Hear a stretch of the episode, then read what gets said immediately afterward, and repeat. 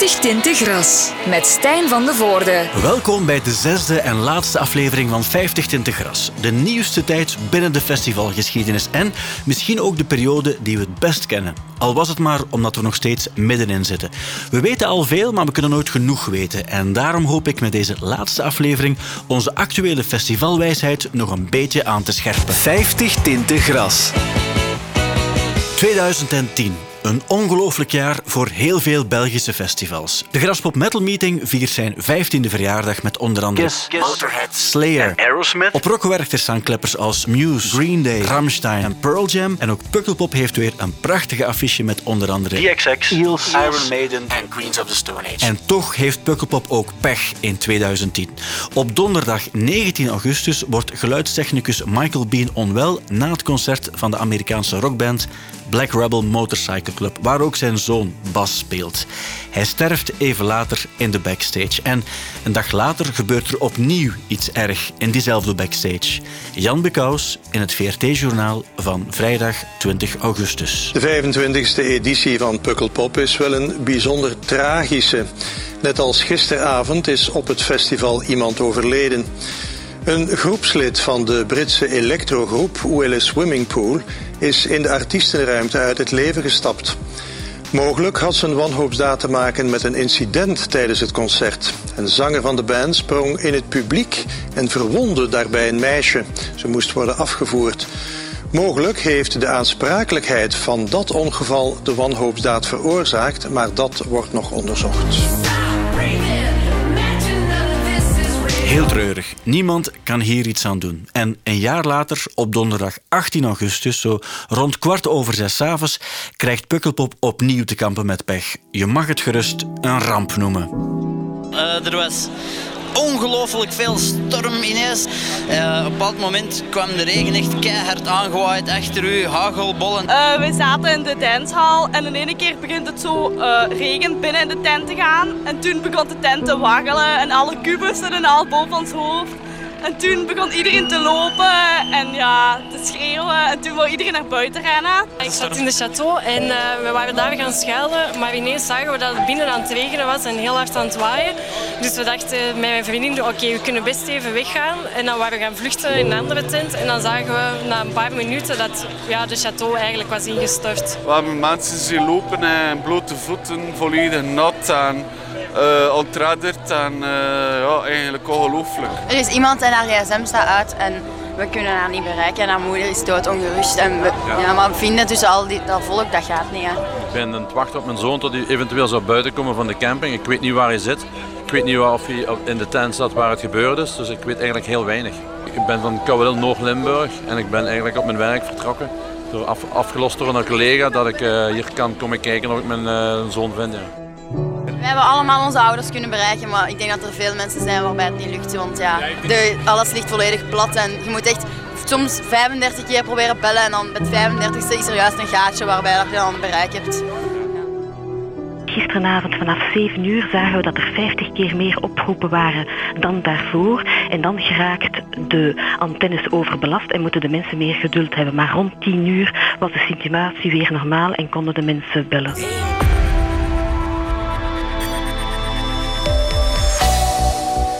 9 uur een goede avond, het nieuws met Lucas van Klooster. Op het rockfestival van Pukkelpop zijn twee of drie doden gevallen toen een tent en andere constructies instortten tijdens het noodweer. 1 uur het nieuws met Koen Braakman. Het muziekfestival Pukkelpop in Kiewiet wordt niet afgelast en gaat straks om 11 uur opnieuw van start. Dat heeft organisator Chokri Mahassin gezegd op Studio Brussel. 6 uur, goedemorgen, het nieuws met Veerle de Vos. Er is een vijfde dode na de storm van gisteren op het muziekfestival Pukkelpop. Zo net is beslist om het festival stop te zetten. Dit is de zwartste dag die uh, ooit een festival in België heeft meegemaakt. Sorry, maar uit respect voor de slachtoffers, voor de familie, voor de vrienden, voor de kennissen. Uit respect daarvoor mag dat festival niet plaatsvinden wat ook de gevolgen ervoor zullen zijn. Pukkelpop 2011 wordt na enkele uren stopgezet. En dat is uiteraard de enige echte juiste beslissing. Vijf doden en 140 gewonden en zware gewonden. Allemaal gewone mensen die graag naar festivals gaan. Een onwaarschijnlijke storm, die ik zelf ook nog nooit had meegemaakt in België, besluit om specifiek daar toe te slaan. En dat hakt er serieus in. Bij de bezoekers van Pukkelpop, maar uiteraard ook bij de artiesten die het meemaken zoals Netsky, die op dat ogenblik aan het draaien is in de boiler room. Vlak voordat de storm echt begon en vlak voordat het een beetje link en gevaarlijk werd, was dat een van de beste publieken dat ik ooit heb gehad. Allee, toen het regen begon, want het was een goede vijf tot tien minuten voordat het echt, allee, de tentenpal loskwamen en zo, was er echt de zotste sfeer ooit. En ik wist niet hoe dat ik erop moest reageren, want ineens ging het zo heel, heel wild in het publiek.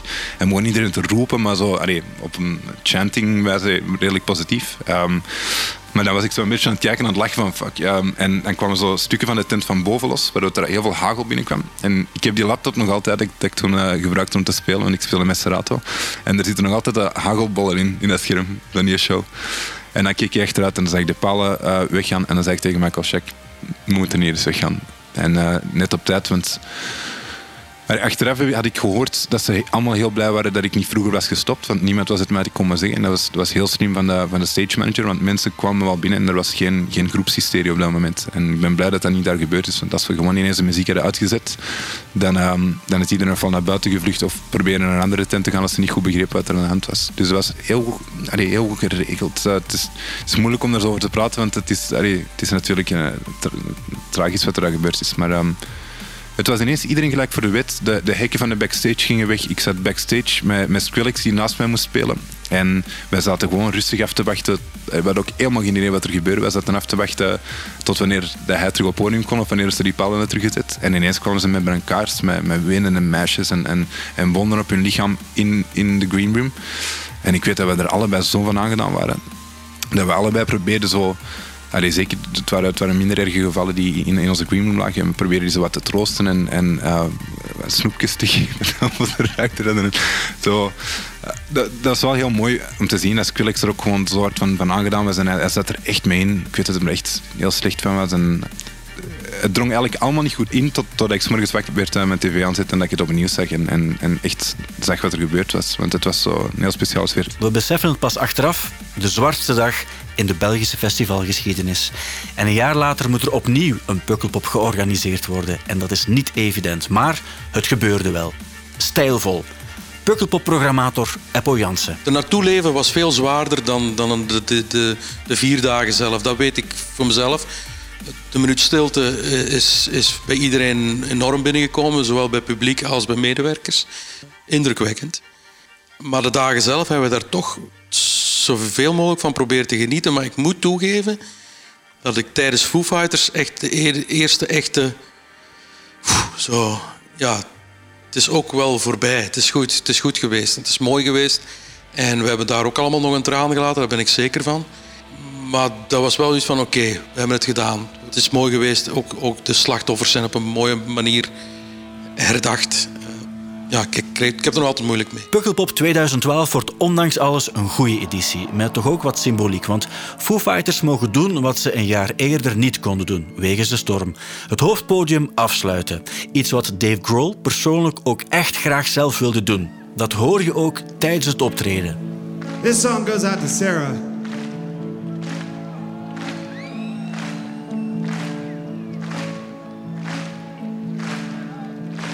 Exactly one year ago, we were in our bus on the highway driving here to play this show. And then we got the phone call that something had happened. So we stopped and we waited to make sure everyone was okay. But everyone wasn't okay.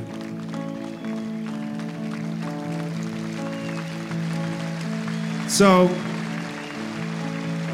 we waited waited.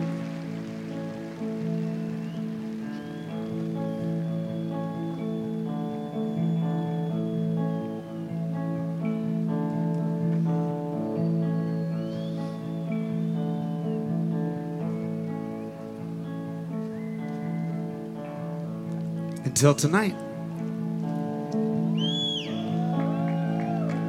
So now we have a beautiful night with beautiful people, beautiful music.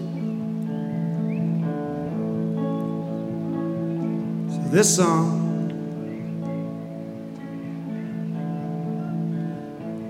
goes out to all the people that couldn't be here tonight.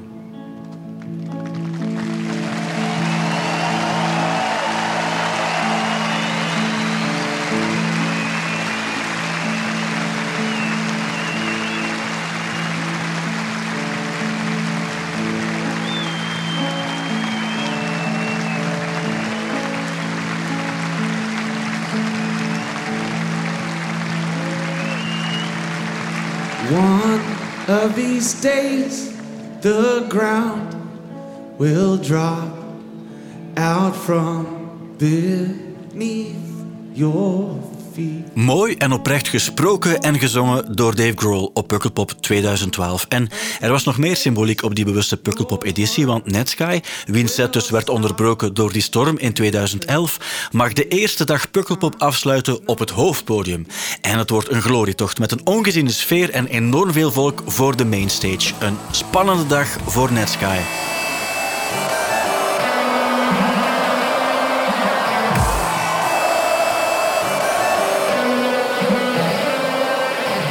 Was echt een Studio Brussel Pukkelpop publiek. Dat was, dat was zo- zo'n typerend fantastisch publiek. En het stond vol. Alles, all the boxes were ticked. Ehm, het, het publiek was ook echt mee met drum and bass in 2012. Ehm, op een mainstage van, van een van de grootste festivals van België. Dat was een, een absolute droom. Ik heb uh, tafeltennis met, mijn- papa gespeeld, een goed uur voor de show, eh, omdat er een tafeltennis tafel was backstage. Even naar binnen gegaan, een drankje gedronken omdat ik ongelooflijk nerveus was. eh, samen met mijn pa en mijn vrienden en de band uiteraard, met, bij Bel en Michael en, heel mijn team. Ehm, op het einde, de laatste vuurpijlen de lucht in. Ehm, ja, mijn ouders heb ik op oren genomen, de, band bedankt. Allee, de, die, die ontlading achteraf kan ik met niks vergelijken. Daar, daar heb ik dromen over, soms nog altijd. En dat is echt niet niks. Ehm, een, festival zoals Pukkelpop mogen afsluiten, waar inderdaad de Foo Fighters staan en, en dat vol krijgen. Dat was eh, een van de, van de grootste pieken in mijn, in mijn carrière, zeker in België. Ik, ik kon hier eigenlijk niet komen zonder, zonder mijn ouders mee te pakken. Ik kan ze heel even op het podium pakken om jullie te laten zien. In deze periode draait Tomorrowland ook al op volle toeren. In 2010 zijn er 120.000 bezoekers die zich verspreiden over 14 podia. En voor het eerst zijn er ook een hoop internationale namen bij. En dat wordt in 2011 nog uitgebreid. Dan spelen onder andere Avicii, Carl Cox, Fateless en David Guetta. Maar Too Many DJ's mogen het festival afsluiten. Steffe en David hebben zich niet geweldig geïnformeerd, dus het is even schrikken als ze het podium betreden. Hit me with those laser beams. Wel, het is de eerste keer dat wij Tomorrowland gedaan hebben. Moeten we eerlijk toegeven dat wij niets wisten. Wij wisten alleen dat dat We gewoon zaten zo... in een auto. We zaten in een auto onderweg van de luchthaven, we hadden ergens anders gespeeld. En wij worden gereden via zo dat park. eh, dus, en wij zien de achterkant van die podia. We horen wel dat dansmuziek is en zo. En we zien zo één podium. En dat is dat podium, denk ik, toen van de, van de hackers. En dat is zo een, eh, een grote clown en zo'n stroop die gaan. En wel zoiets van, wat de max, dat, dat podium is... Dus wij dachten, we gaan daar spelen. Maar dat is eigenlijk niet zo groot. Maar ik herinner me dat we voorbij rijden, wij zoiets van, oké, kom maar, Maar op dat moment on. weten wij niet wat het Tomorrowland... Wij weten alleen dat dat een van die... We spelen al jaren op zo'n DJ-festivals. Creamfields of eh, dingen overal in de wereld. Niet 100% ons ding. Maar dat kan, eh, kan cool zijn. Als de mensen maar goed op de pillen zitten, is dat geen probleem. Is de, De achterkant van de mainstage is ook zo volledig geconstrueerd. Dus eigenlijk zie je het een set. Een beetje als je bij Fellini... Allemaal, zie je eigenlijk allemaal de achterkant van de podia. En, en dus je ziet niet wat dat is. En ik herinner mij, we, we stappen uit de auto, we gaan op zo'n trapje. Er staan allemaal mensen. En Getta komt naar buiten. Heeft juist gedaan. En we horen wel dat volk is. En Getta komt naar buiten. En hij komt naar Dave en mij en zegt van... C'est le meilleur set de ma vie. Meilleur set de ma vie. En we hadden zo, ja, maar er is ook iemand die we eigenlijk al heel lang kennen, David Guetta ook. En hij komt dus buiten en hij zegt van, c'est le meilleur set de ma vie. En we zien aan hem dat hij echt emotioneel is. En ik heb zoiets altijd, maar ja, een klein beetje sceptisch, zo van, wat is dat hier? En er is zo één deur, maar echt letterlijk een deur. En die deur, we gaan in die deur en wij zitten what the fuck is dat? Like dat we staan in de Efteling, in het midden gedropt in, in zo'n set van de Efteling. Alles is Cirque du Soleil. En wij... En dan een enorme... eh, Ja, Zee van mensen die zo- mensen, zo- dinges. En wij zijn dan beginnen draaien. We hadden zoiets van... En ik herinner me nog goed dat we toen zitten van... Moesten we nu een keer ACDC draaien en een Ja. keer zo wat Slayer tussen smijten. En we hebben dat toen gedaan ook en mensen vonden het de max. Maar het voelde like een science fiction film dat iemand zeggen en kut! Stef, jullie passen hier echt niet. Nee. Maar zwart, we moeten wel krediet geven, het volk was wel mee. Op Tomorrowland zijn de mensen vrij gemakkelijk mee. Geen idee hoe dat komt. Hoe dan ook, Too Many DJ's sluiten succesvol het festival af. Maar laat ons ook niet vergeten wie Tomorrowland 2011 mocht openen. Dat was de winnaar van de Studio Brussel Switch Tomorrowland competitie. Juryvoorzitter Kim Matthijs maakt de naam bekend op de radio. We hebben toch even erover gepraat uiteindelijk. En ehm, de winnaar is Raving George. Raving George. Raving George, a.k.a. Charlotte Witte, wint op 18-jarige leeftijd een DJ-wedstrijd en zet een onwaarschijnlijke stap in haar carrière. Ik denk dat dat voor mij een absoluut een gamechanger is geweest. Dat was in 2011, dus dat was inderdaad met inzenden van wat mixtapes. Op basis daarvan werden er drie winnaars gekozen. En dan eh, was er een live finale te doen op Studio Brussel. En dan had ik die gewonnen en mocht ik de mainstage van Tomorrowland openen. Werd ik ook resident op Studio Brussel. Dus ja, dat heeft mijn leven gewoon aanzienlijk veranderd. Zelf al draaide ik niet echt de muziek die toen het meest werd geapprecieerd, ik ga het zo zeggen, op de mainstage van Tomorrowland, heeft dat wel. Allee, it put my name out there. En dat heeft gewoon gigantisch veel deuren geopend. En eh, mensen begonnen wel toen eh, interesse, meer interesse te tonen in wie dat Raving George, eh, rest in peace, toen in de tijd was. Charlotte speelt na 2011 bijna elk jaar op Tomorrowland. En in 2018 wordt ze zelfs curator van haar eigen Context Stage. Zo snel kan het dus allemaal gaan. Tomorrowland wordt steeds groter en groter. De vraag naar tickets van over de hele wereld is enorm. En het ziet er elk jaar ja, zotter uit. Waardoor Armin van Buren, die ook bij was in de eerste editie in 2005, en Mr. Props bepaalde filosofische bedenkingen maken vol verkeerde vergelijkingen. Maar goed, het is een DJ uit Holland. Mijn ouders hebben het altijd over Woodstock. Hè? Weet je nog? Woodstock. eh, eh, helemaal, ja, van 4 bij 4 Maar zo. Dat was 55.000 mensen of zo. Oké. En dat was ook drie dagen of vijf dagen, geloof ik. Maar dit is gewoon twee keer Woodstock, toch? Ik bedoel, eh, de Beatles, Shea Stadium, 1964. Music History. 55.000 mensen in één stadion. Daar heeft iedereen het nog steeds over. Maar volgens mij is wat er hier gebeurt gewoon Music Revolution. Maar eerlijk, denk jij dat dit de toppen valt? Ik bedoel, je kan wel groot, maar op een gegeven moment kom je voorbij een barrière. En dan maakt het in principe niet meer uit. Al eh, heb je twintig helikopters in de, in de lucht hangen. Het, het, het is gewoon groot. We have to go to the moon, man. Ja. You know. Armin van Buren maakt de slechtste vergelijking in de muziekgeschiedenis. Woodstock, ja, daar waren geen 55.000 bezoekers, maar wel 400.000. Het duurde geen drie of vijf dagen, maar wel gewoon vier dagen. En nog een klein detail, de Beatles en Shea Stadium, dat was niet 1964, maar 1966. Maar dat allemaal terzijde. Het punt is duidelijk. Tomorrowland is huge. Vanaf 2017 zijn er effectief 400.000 bezoekers, verspreid over zes dagen ofwel twee weekends. En Tomorrowland heeft ook een effect op heel wat andere Belgische festivals. Soms is dat goed, maar soms is dat ook iets minder. Lode Pauwels van Karma Hotel in Oostende. Vanaf 2008 tot 2012, vijf jaar, hebben wij een festival georganiseerd in de paasvakantie in, eh, in Oostende. Dat heet de Karma Hotel. En dat was een heel tof festival in het kurszaal. Maar zo'n capaciteit van een 3000 mensen, dat was echt, echt super. Dat was begin van het seizoen. Heel veel dans. En wij zaten daar eigenlijk wel wel... Met de programmatie er heel vaak pal op. Zo met Paul Kalkbrenner heel vroeg. En dat soort namen. Jason Status, ehm Netsky. Noem maar op. ehm, dubstep, eh, dat soort dingen. En plots in 2012... Wij waren er echt van overtuigd dat wij een heel goede affiche hadden. En dat was niet. Dat, dat was gewoon, ja, wij hadden plots nog maar bijna iets meer dan de helft van het volk over of zo. Maar achteraf was dat het eerste jaar dat ehm Tomorrowland zo waanzinnig snel uitverkocht. En ik herinner mij nog dat wij, ehm wij hadden dus een zaalconcert bij ons in Leffingen, een week of twee voor Karma Hotel. En ehm, normaal spreken de medewerkers en zo, ja, die spreken dan over Karma Hotel, want dat komt eraan. En dat was niet. Iedereen sprak over Tomorrowland. Ja, en dat, dat is misschien gewoon een soort kantelpunt, want dan heb je een periode gehad dat er heel veel van die dancefestivals, of dat er andere festivals zich meer, veel meer op dans begonnen te richten. Zo gaat het. Op een bepaald moment waren er misschien te veel festivals. En er zijn niet genoeg grote namen om overal te headlinen. Bovendien worden die grote Belgische bands in veel gevallen ook te duur voor de kleinere festivals. Zo is er bijvoorbeeld geen Pukema-rock meer in 2012. Sphinx Festival krijgt het lastig in 2013 omdat er subsidies wegvallen. En Rock Ternat kent ook een laatste editie in 2013. Nogal wat festivals krijgen het moeilijk in deze periode. Manager Erik Didde. Ik denk dat uh, tussen 2000 en 2010 dat we dan met de meeste festivals zaten. Dat werd ook door veel uh, steden, dorpen, uh, organisaties gezien als een lucratieve manier om, om de kas van de vereniging te spekken en dat soort dingen. Um, intussen denk ik dat we al een paar jaar aan het achteruitbollen zijn aan, qua aantal. Het heeft deels te maken met de reglementering, wordt altijd maar strikter, strenger. Het wordt ook allemaal veel kostelijker en dat is uh, in een aantal gevallen niet meer mogelijk omwille van de stijgende prijzen en ja, de, de regeltjes, zeg maar. Ja, grote bands worden te duur en er zijn ook de strenge regels. In 2011 voert cultuurminister Joke Schouwvliegen ook geluidsnormen in voor festivals.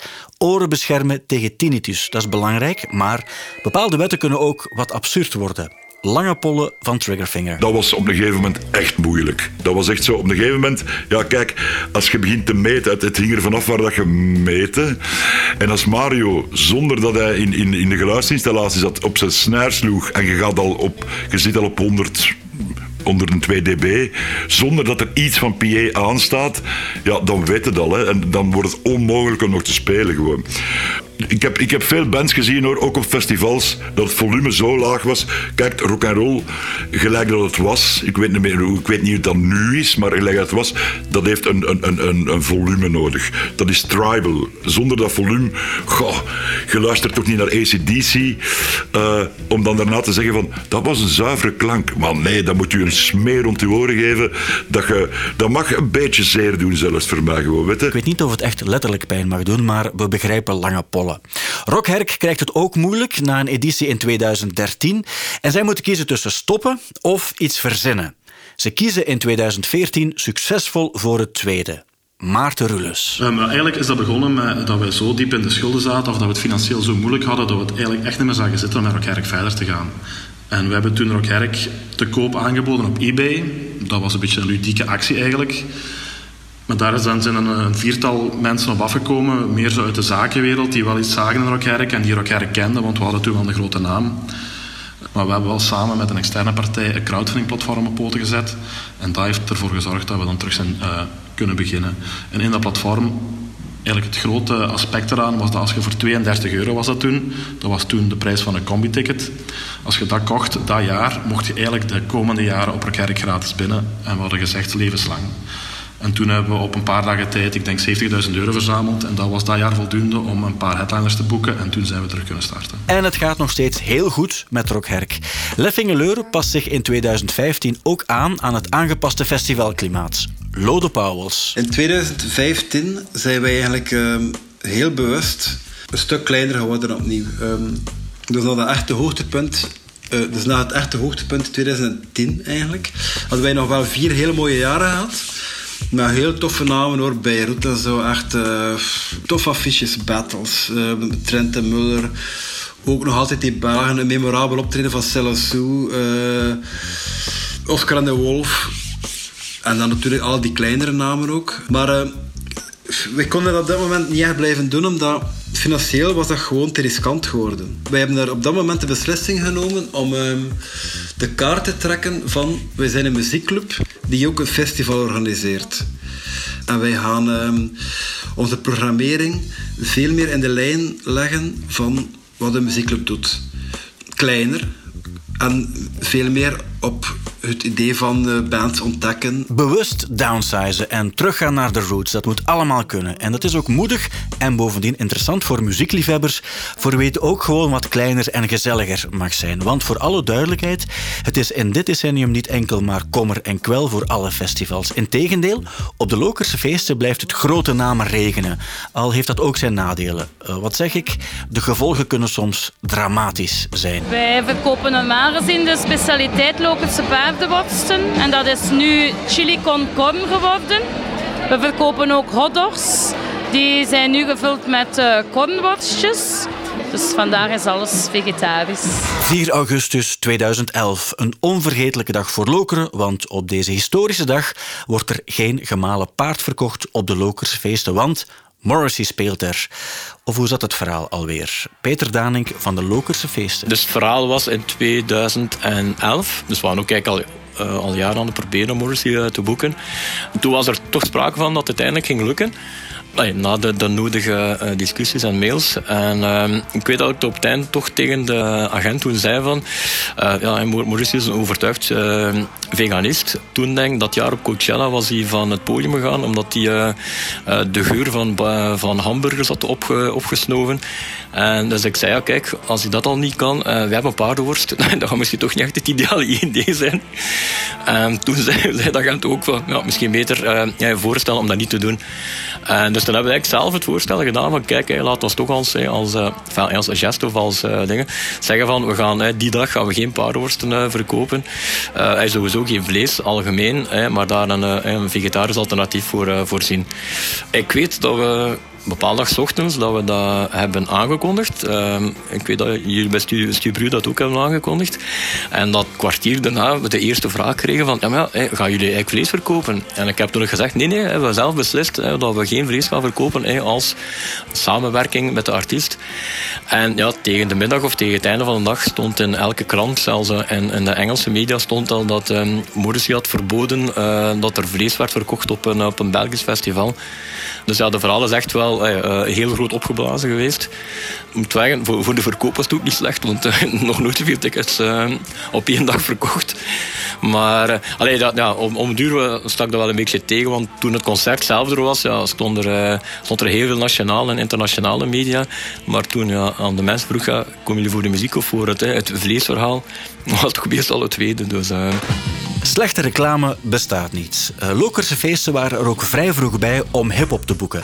In 1998 stond de Sugar Hill Ganger bijvoorbeeld, maar ook na 2010 staan onder andere 50 Cent, uh, Snoop Dogg, Zwangere Guy en Romeo Elvis op de affiche. In 2010 zou de min of meer voltallige Wu-Tang Clan in Lokeren moeten staan, maar ook hier maken de hiphoppers hun reputatie waar bij Wu-Tang Clan uh, zijn er toch in geslaagd om twee vluchten op één dag te missen.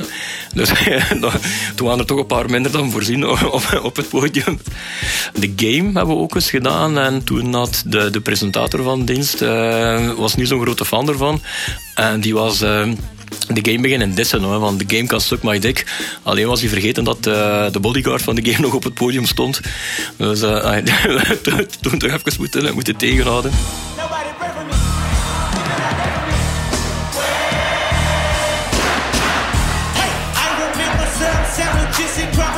In dit decennium groeit hip-hop definitief uit tot het populairste muziekgenre op deze planeet. Maar er is zo vaak gedoe en de shows zijn vaak te mak en zelfs wat saai. Denk bijvoorbeeld aan Kendrick Lamar op Pukkelpop 2018. Het feit dat hij toen een podium betrad in een Oasis-t-shirt is waarschijnlijk het meest memorabele ding aan het hele optreden. En in dat jaar 2018 moest Travis Scott normaal headline op de mainstage, maar hij komt gewoon niet opdagen. Wat dan weer goed nieuws is voor Charlotte Witte, die in zijn plaats die dag Pukkelpop mag afsluiten. Dat was heel cool. Ik wist ook, ik had heel lang nagedacht over hoe dat ik die set zou aanpakken. En of dat ik er misschien zo ergens in een track was zou herwerken of zo. Maar ik dacht van ja, niet weten. Uiteindelijk, het is laat op Pukkelpop en mensen willen ook gewoon feesten.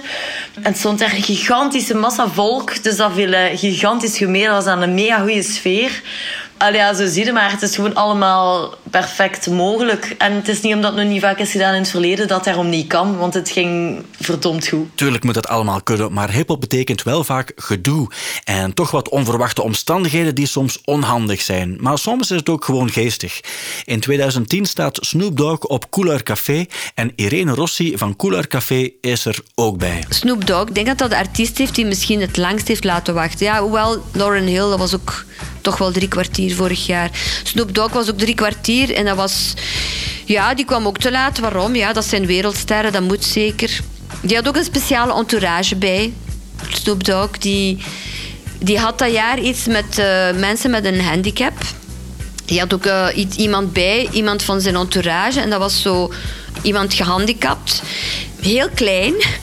En die nam die mee op podium gewoon. Dus als een soort pop of zo. Dat was heel raar. En na het uh, optreden wou die ineens dat alle mensen uh, die met een handicap, dus ook mensen met, gewoon met een rolstoel die een been hadden gebroken en zo, die mochten dan ineens backstage komen voor een, uh, voor een handtekening te vragen. Om drie uur s morgens. Dus dat was ook totaal onaangekondigd. Dus al onze fotografen waren ook al weg. Ik heb er ook geen foto's van. Maar ineens moesten wij dat organiseren. Dat Snoop Dogg die wou dan ineens iedereen ontmoeten die dan op het terrein was met een gehandicapte pasje. ja. Dus zo van ja, soms doen mensen rare dingen. En dat is dan een heel grote naam. Couleur Café kreeg ook al heel vaak kleinere artiesten op het podium die dan later uitgroeien tot een gevestigde naam in de hip-hop. Beanie Man had er moeten staan, we hebben dat uh, moeten afgelasten. En dat was eigenlijk een, een goed bewijs van onkomst van internet en van de social media, van de impact daarvan. Wij hadden Beanie Man aangekondigd, al begin van, van het jaar hadden we het aangekondigd. Er was geen reactie op gekomen. En een paar weken voor het festival kwam er ineens reactie van een organisatie die opkwam voor homorechten. Omdat ja, Beanie Man werd beschuldigd van homofobie. Er zijn zo wat artiesten die die naam hadden, vooral in die tijd. Nu hebben ze zich allemaal allee, daarvan gedistanceerd, al die artiesten. We kregen daar een paar mails van, hadden daarop gereageerd. Maar uh, ja, die eisten eigenlijk dat wij het concert zouden annuleren. Omdat ze zeiden dat dus de artiest zich nog uit had op een of ander concert in Afrika. Maar dat was één, één artikel van in een krant, in een Afrikaanse krant, waarin stond dat hij tijdens het concert weer homofobe uitspraken had gedaan. Maar dat was het enige bewijs dat we hadden. En wij zeiden van ja, oké, uh, laten we de artiest de kans geven om zich te verdedigen, op Couleur Café te komen spreken. We willen eventueel zelfs een debat organiseren of een persconferentie waarin de, de artiest zich daarvan kan distancieren. De artiest had ook al een charter ondertekend waarin hij zich distancieerde van zijn homofobe uitspraken. Maar dus die organisaties die bleven eisen dat wij het concert zouden annuleren. We hebben dat niet gedaan en die zijn een campagne opgestart via de social media. En daar is heel veel reactie op gekomen. Uh, we hebben dan reactie gekregen vanuit uh, ja, onze sponsors, de overheid, die echt druk begonnen te zetten van uh, ja, zouden jullie dat niet beter annuleren? En dan hebben we na een dag heel een hele dag hebben intern toen vergaderd en gebrainstormd. Wat gaan we doen? En toen hebben we toch besloten om het te annuleren, om geen risico's te nemen, om het concert, allee, om het festival niet in gevaar te brengen. Ja, dat wil je natuurlijk niet. Toch mooi dat festivals zich op zo'n ogenblik verenigen om artiesten die dwaze uitspraken doen te laten weten dat ze met zo'n onzin niet welkom zijn op onze Belgische festivalpodia. Journalist Karel Michiels is reggae-liefhebber en oprichter van de site reggae.be. Hij kan zich deze korte homohatende fase ook nog vrij goed herinneren. Er was een soort trend in de dancehall gekomen dat uh, DJ's en zangers het over uh, Batty Boys hadden en vooral tegen Batty Boys. En dat zijn dan de homo's, we noemen zij homo's. Hè. Dus dat was echt pure homohaat. Hè. Steekt ze in brand, uh, schiet ze neer. Dat werd toen letterlijk gezegd in nummers. Niet dat dat ooit gebeurd is in Jamaica. Uh, er is een hele cultuurfilosofische uitleg over te geven. Ik heb die toen ook uitgebreid kunnen brengen in de krant. Dat is ondertussen helemaal voorbij, omdat onder andere Reggae Geel samen met Reggae.be en Savaria, de LGTBQI-organisatie in België, samen hebben wij toen een reggae charter ondertekend tegen homohaat. Artiesten die zich daar nog schuldig aan zouden maken, dat we die dan zouden weren van Belgische podia. En dat is dan ook gebeurd. En sindsdien moet ik zeggen, dat is een wereldwijde beweging geweest. Dat was ook in andere landen zo. Is dat eigenlijk dat thema uh, in de reggae volledig verdwenen. En ja, één artiest, Sisla, die dan twee jaar geleden of drie jaar geleden niet kon komen omdat hij dan ergens nog eens iets verkeerd had gezegd. Ik denk dat dat laatste wapenfeit was in die discussie.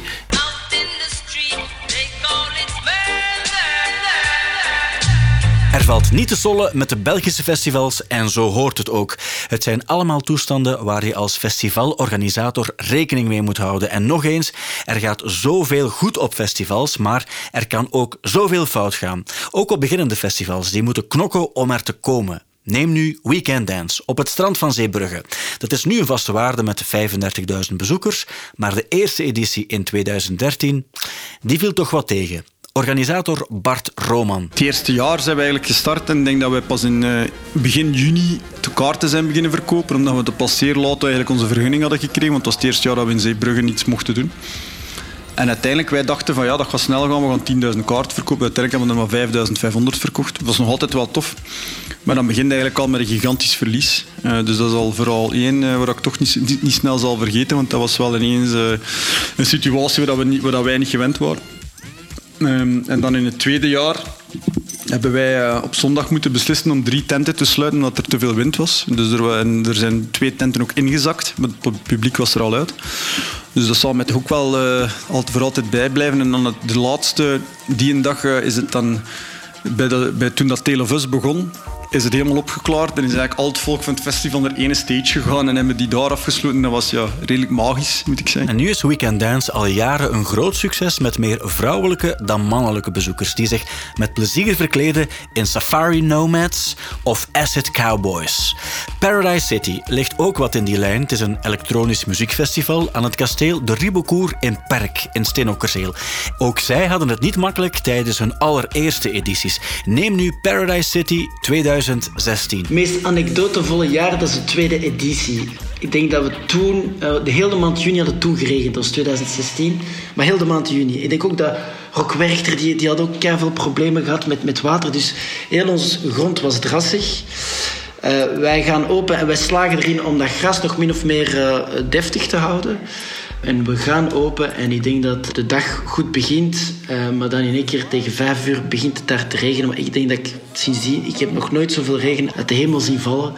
Uh, en iedereen moest zich gaan uh, bedekken onder de tenten. Dat heeft denk ik een half uur geduurd. Dat we ook muziek hebben moeten stilzetten omdat er gewoon te veel regen was en eens wind.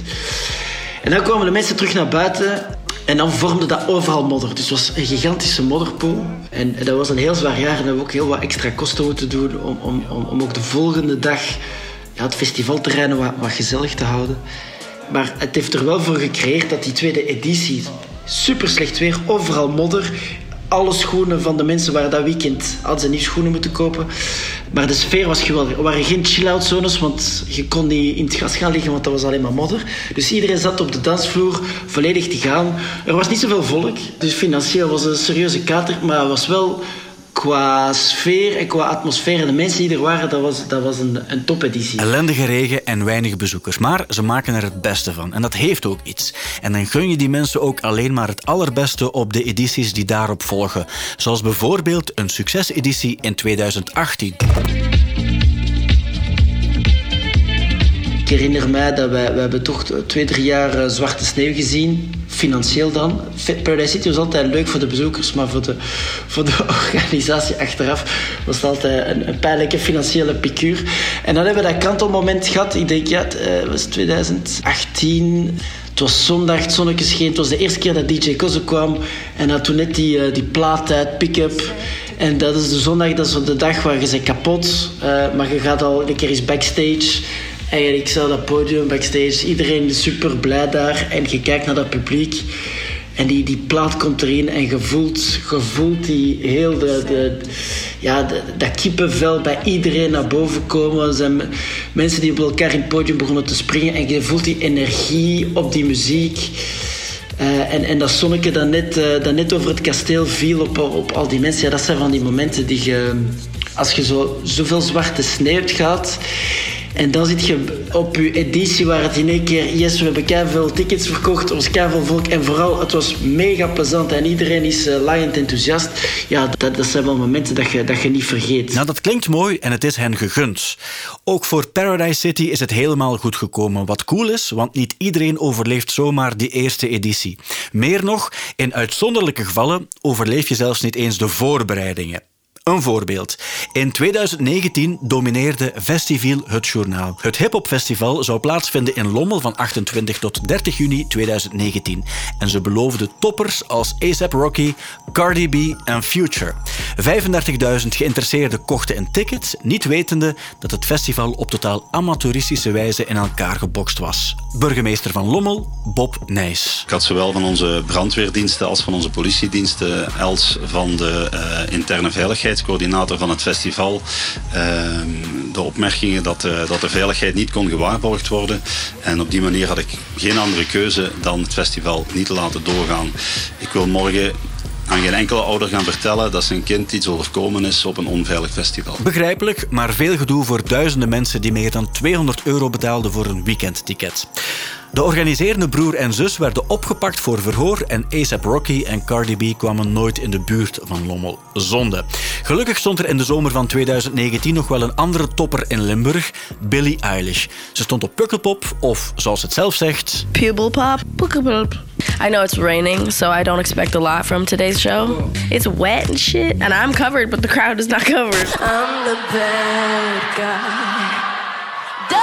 Ja, een beetje een onderschatting van het Belgische publiek door Billie Eilish, want het regende maar een beetje en dat vond niemand erg. Integendeel, de sfeer was ongezien. En ondanks het feit dat het een van de meest opvallende concerten ooit was voor de mainstage van Pukkelpop, bleef er achteraf toch nog wat huilende meisjes achter. Ik heb haar al drie keer live gezien en het eerste concert kon je echt nog toe aan haar voeten komen.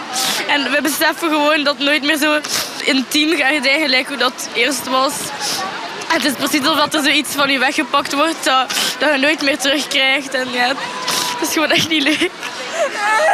Ja, we kunnen daar nu wel eens mee lachen, maar de dedication was ontroerend. En dat allemaal voor Billie Eilish, een meisje van 17, superstraf. Pukkelpop-programmator Eppo Jansen. Billie Eilish is, is echt iets van, van deze tijd. Ik bedoel, en, en wij konden vroeger groepen boeken, een paar maanden op voorhand en niet weten, gaat het nu aanslaan? Je, bedoel, je, je wist van, oké, ja, dat gaat wel iets worden, dit dat. Maar Billie Eilish is geboekt in oktober en is ontploft in januari, denk ik. Wat we al flink aanvoelden komen.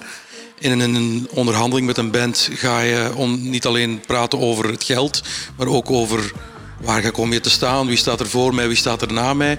En Billie Eilish hadden we toen al zoiets van, oké, we geloven erin, dat lijkt ons iets om samen Charlie XCX in de dancehall te zetten. Mooie, mooie combo. Maar dan zie je het uh, wereldwijd ontploffen. Zie je Dave Grohl die haar bejubelt. En ik, ja, dit kunnen we niet meer uh, houden. Um, hoe dat bij ons uh, dan uiteindelijk hebben we het geluk gehad dat Good Charlotte cancelde.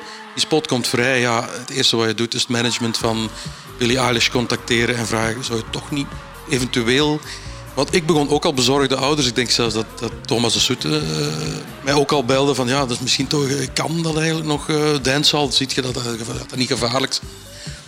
We hadden dat denk ik kunnen regelen, maar achteraf gezien was dit het toch wel inderdaad een kippenvelmoment. En ook wel heel fijn om te zien dat iedereen ongeveer, want er hangt hier een luchtfoto tijdens uh, Billie Eilish. Waar je enkel alleen maar op de mainstage en drie verdwaalde zielen aan de biercheck ziet.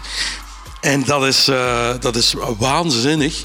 En ook hoe fijn. Wij stonden, uh, Stijn, uh, jij en ik en Thomas, Otto Jan, nog een paar mensen, in de cirkel net buiten, daarbuiten. En je hoorde op 50 meter afstand gejoel, gekrijs meezingen. Wij stonden aan de toog bij de ouders, denk ik. Ja, dat is echt zo.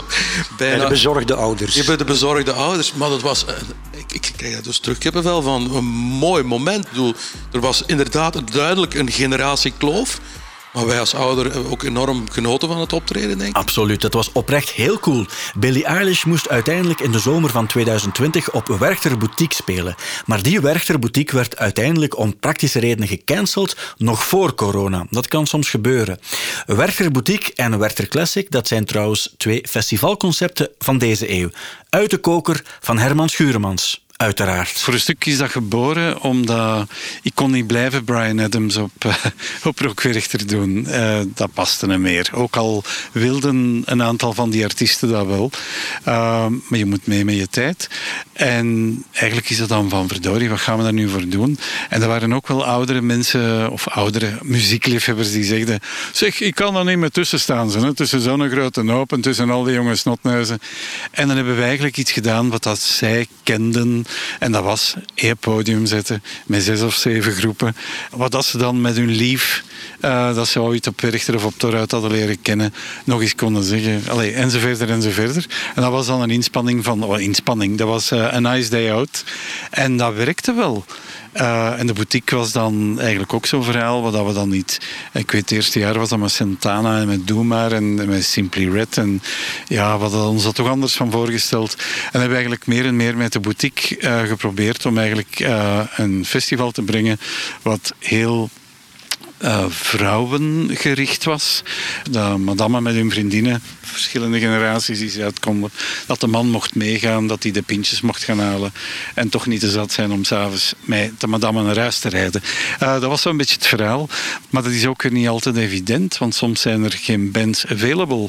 En zo is gebeurd dat we soms geen boutique deden. Ja, als het niet was, was het er niet. En Billie Eilish was er dan plots toch niet meer. Toch niet voor Werchter, maar wel voor het Sportpaleis. Tot het virus, dat shall not be named, daar een stokje voor stak. Veel mooie namen kleuren de affiches van TW Classic trouwens. Denk aan Elton John, The Police, Lenny Kravitz, Guns N' Roses, Bruce Springsteen en in 2003 en in 2014 The Rolling Stones. Ook opvallend, tijdens die editie van 2014 speelde Triggerfinger op TW Classic met de Stones dus, maar ook op Rockwerchter. Vooral dat optreden op Rockwerchter op 5 juli 2014 verliep in de aanloop een beetje gespannen en dat had alles te maken met de match van de Belgen tegen Lionel Messi in de kwartfinale van het WK voetbal. Triggerfinger manager Erik Dirre. Dat was een concert waar wel wat spanning op zat, omdat dat eigenlijk door een ongelukkige headline in een uh, artikel online krant en later in de krant, uh, die zei van Triggerfinger denkt erover na om, om hun show te reschedulen of zo, terwijl ik dat helemaal niet gezegd had. Uh, ik werd wat overvallen door die vraag, dus ik dacht, oei, moeten we even over nadenken. En dat werd zo geventileerd, maar dat werd een heel ding. Een beetje spanning kan nooit kwaad, maar lange pollen van Triggerfinger houdt niet van opgeklopte spanning die wordt gecreëerd door minder begaafde journalisten, ja, die in essentie niet echt van muziek houden. Er stond ergens een kop in een gazet van Triggerfinger, de Rode Duivels, uh, 10-0 of zoiets, weet ik veel. En dan, ik maakte me daar echt kwaad in. Toen hebben ze nog gepoogd om ons op een later uur te zetten, maar dat hebben wij geweigerd. Omdat wij geen zin hadden om te plooien voor, voor een voetbalmatch. Gewoon, absoluut niet. Dan hadden wij dus, we zijn begonnen met, met een Brabasson, die dan op het einde, het einde helemaal vals ging en vertraagde en ontplofte. En terwijl wij stonden te wachten, herinner ik me nog dat de uh, Algerijnen een doelpunt scoorden, dus voor ons optreden. Dus die twee dames die hadden zo een pancarte, België, Argentinië. En wij kwamen op, samen met die dames, met een pancarte, Argentinië 1, België 0. Ja, dat werd ons toch niet echt in dank aangenomen, alhoewel dat er nog wel veel volk stond. Maar dat waren voornamelijk Nederlanders. Die hadden geen boodschap aan die voetbalmatch.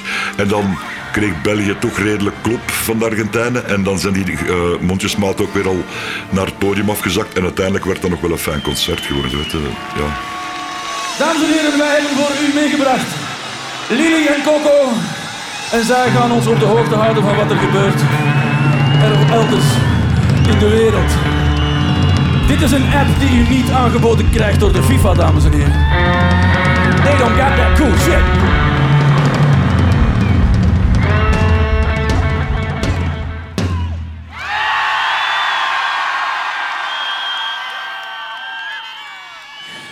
Daarom is het dus 0-1. Hè.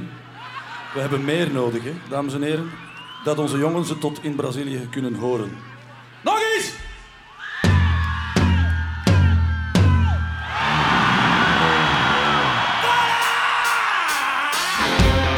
Ja, dat was uiteindelijk een heel fijn concert. En een goede rockwerchter in het algemeen met onder andere Pearl Jam, Stromae, Major Lazer, Arctic Monkeys en Metallica. Metallica, die trouwens nog met plezier op Rockwerchter wilde spelen, na wat gedoe met de jeugd van tegenwoordig en Tom Barman, vijf jaar voordien. Ik heb ooit de politie willen bellen, backstage in Werchter. Omdat we werden gestalkt door de entourage van Metallica omdat we het roken waren in open lucht. En dat is zo juist die dag niet meer. Ik was met de jeugd aan het, aan het uithangen. Uh, uithangen als in uh, hang-out, dat zei je niet, aan het uh, optrekken. De jeugd van tegenwoordig. En, en, en die, die, die rotte, arrogante entourage komt binnen, die zoals we weten vaak veel degoutanter zijn dan de band zelf. En dat is geëscaleerd in dat ik de politie wou bellen voor achtervolging op een privédomein. Um, en Jo van Werchter zegt: Tom, durft niet, hè? Ik zeg, ik bel de flikken, joh. Maar ik had het verkeerde nummer gedraaid en ik had de ambulance aan de lijn. Nee, of de brandweer. Ik had de verkeerde. En dus dan heb ik het maar gestaakt. En het is goed geëindigd. Er is uh, met Wiwa is er dan naartoe gegaan, heeft gezegd, heeft uh, bemiddeld. En um, voilà. Ze, ze zochten de, de, somebody to pick on en de pick the wrong guys. Dat klinkt nu wel stoerder dan het was. Maar... En ook, ook natuurlijk de jeugd was, was hun het swagger uh, ook een beetje aan het nadoen. Er was wel provocatie en dingen. Maar ik zat er gewoon bij en ik was aan het lachen en ik was een sigaret aan het roken. En dan is er eigenlijk een, ja, een soort van klacht gekomen dat we aan het roken waren, dit en dat. Dan is het geëscaleerd. Maar dat is happy ending en uh, vooral een grappig verhaal. Het is allemaal goed gekomen en festivals mogen dan wel erg professioneel zijn tegenwoordig. Zo'n beetje gedoe in de backstage, dat maakt het toch allemaal wat rock and roll. Want moeten festivals ook zijn. Voor de mensen die er naartoe gaan en voor mensen die er spelen. En die kunnen er enkel lyrisch over doen. Ook Tom Barman. Dat brengt echt ook een beetje de hippie in u naar boven. Weet wel, dat is dan zo, oké, okay, I'm gonna spend the summer without shoes. Ja, maar dat was ik dan ook jonger, weet wel. Ik kwam mijn schoenen gewoon. Want je komt van de ene dag op de andere altijd op een schoon locatie, altijd in de natuur. En dat brengt een beetje ook de hippie. En als stadsjongen heeft dat ook wel iets, weet je wel. Dat is zo. Nee, we doen het heel graag, dus we kunnen niet wachten tot het terug begint. Maar dat is een ander verhaal. Ja, en dat verhaal kan voor ons ook allemaal niet snel genoeg opnieuw beginnen. We kunnen enkel hopen en duimen en vingers kruisen. We zijn tenslotte nooit te oud om naar een festival te gaan, dus dat jaartje nemen we er gewoon bij. Neem nu ook Walter Grootaars. In 1981 stond hij nog met de Kreuners op het podium van Rock Werchter. En waar ging hij vorig jaar nog naartoe? Ik ben vorig jaar, vorige zomer, voor de allereerste keer naar Tomorrowland geweest. Ik vond dat fantastisch. Ik vond dat een onvoorstelbare ervaring. De muziek is een beetje bijzaak, maar de sfeer die door de muziek gemaakt wordt, is fantastisch. Voilà. Wil je met een GoPro op je hoofd in een afgetraind bloot bovenlijf champagne spuiten op een VIP-terras op Tomorrowland, dan is dat prima. En wil je vier dagen frieten eten op graspop en een lederen broek met van die veters door, dan is dat ook prima. En wil je muziek ontdekken tijdens Deep in the Woods of in Leffingeleuren of in de lift van Pukkelpop, dan is dat ook prima. Een wijs festivalman vertelde me onlangs dat we vooral moeten doen waar we zin in hebben. En dat we verdraagzaam moeten zijn. Eigenlijk reken ik erop dat muziekliefhebbers aanvaarden dat er nieuwe trends en nieuwe stijlen kunnen geïntegreerd worden in grotere festivals, uh, zodanig dat we eigenlijk kunnen doorgroeien met de generaties. Finaal uh, zeggen alle muziekliefhebbers dat ze verdraagzame mensen zijn. Wel, ik denk dat we het dan ook onder onszelf uh, moeten blijven kunnen en dat we moeten blijven openstaan voor andere genres, voor nieuwere genres. En eigenlijk als je als muziekliefhebber blijft steken in één genre, dat wil zeggen dat het over is. Muziekliefhebbers, festivalgoers, die moeten dat wel kunnen. Je moet kunnen openstaan voor nieuwe dingen. En dat dan op muziek eigenlijk geen leeftijd staat. En als het goed is, is het goed. Hè? Hopla. Een wijze raad om in het achterhoofd te houden. En laat ons, als het mag, volgende zomer misschien toch maar naar alle festivals gaan. Of toch naar zoveel mogelijk. Gewoon ter compensatie. Laat ons daar rustig naar uitkijken. En misschien moet je, waar je ook naar deze podcast luistert, ter afsluiting toch nog even meedoen met dit totale festivalgevoel van samenhorigheid. So right now, I want everyone to make so much noise that the whole of Belgium can hear us. After three, one.